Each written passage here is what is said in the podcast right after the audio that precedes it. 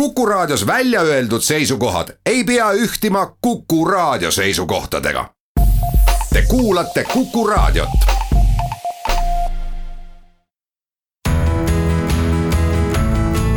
kuku Raadio nädala kommentaar. mis on okkasionalism? kui te olete vähegi normaalne inimene, mitte näiteks akadeemiline filosoof, siis pole te seda peletlikku sõna tõenäoliselt kuulnudki õigupoolest on see idealistlik metafüüsika filosoofiaski surnud, kusjuures piinlikkusesse.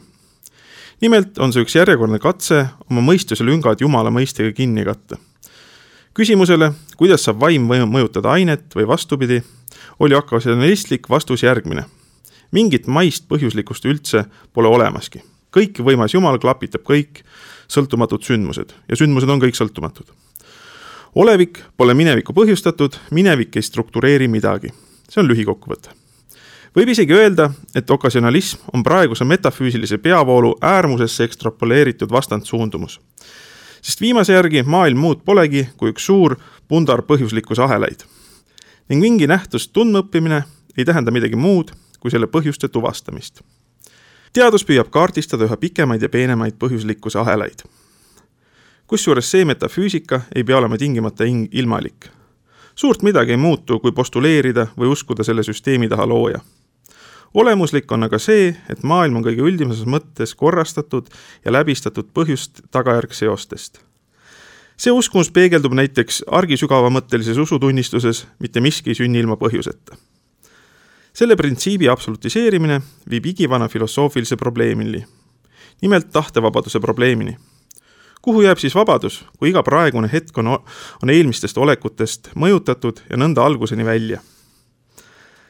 tähelepanuväärne on aga see, et kogemuslikult, fenomenoloogiliselt, psühholoogiliselt ilmneb vabadus probleemina, ränga koormana. suure psühholoogi Dostojevski suurinkvisiitori sõnadega, tsiteerin, inimesel ei ole rängemat muret kui see, kuidas leida, kellele võimalikult kiiresti loovutada oma vabaduse and, millega ta õnnetuke siia ilma sünnib kui filosoofi piinab tahtevabaduse probleem, täieliku determineerituse probleem, siis tegelikkuses elavat inimest püsiv aladetermineerituse probleem. korda ja seaduspära on vaja püsivalt ise luua, selleks vaeva näha.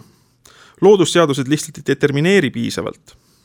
turism on seegi, et kultuur pole väga suurel määral midagi muud kui üks vaevaga üles ehitatud süsteem liigse vabaduse piiramiseks.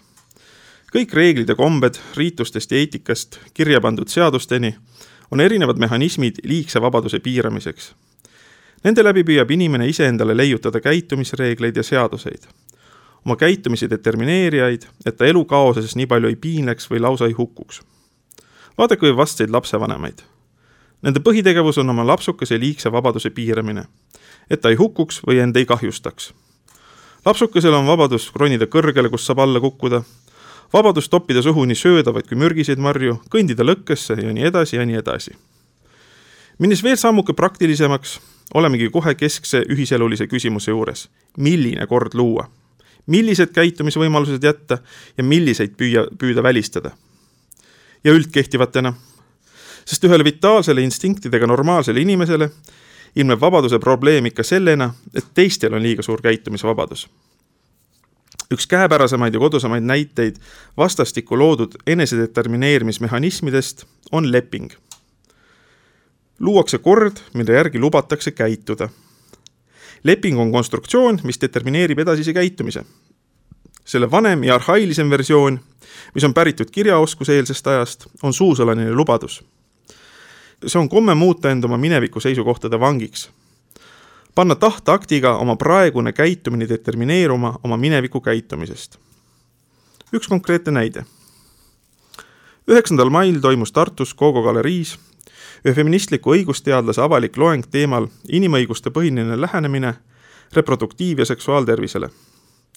selle alguses ta käsitles muuhulgas suhtemudeleid ja avaldas ühtlasi nördimust, et ikka veel pole üldlevinud arusaam, et keegi ei ole suhtes milleski kohustatud ja igas etapis võib öelda ei. ei on igal ajal ei ja suhe on igal hetkel katkestatav. Pole raske näha, millistest olukordadest need imperatiivid on välja destilleeritud. selles nähakse vastumeedet igasugusele kohustamisele stiilis musi on seksi käsiraha. ei, ükski eelnev käitumine ei determineeri järgmist, ei tohi seda. minevik ei struktureeri olevikku. Mingi naisepoolne käitumine ei kohusta teda järgmisteks sammudeks, sest muidu saaks mees nii-öelda seksi välja pressida. mõistetav. iseasi, kui universaalseks soosuhtlusmudeliks saab seda ööklubi etiketti laiendada. mingis eas ja mingile kontingendile on see kahtlemata väga sobiv. näiteks neile, kelle elukogemus on selline, et ei tule pähegi probleem, et probleem võib tekkida mehe liigse vabadusega, mehele vabadusega ära jalutada. Olgu selleks siis lesbid, noored atraktiivsed naised või nii-öelda N-järku oomega mehed, tähendab need, kes suudavad soosuhtluses näha naist ainult tõrjepositsioonil.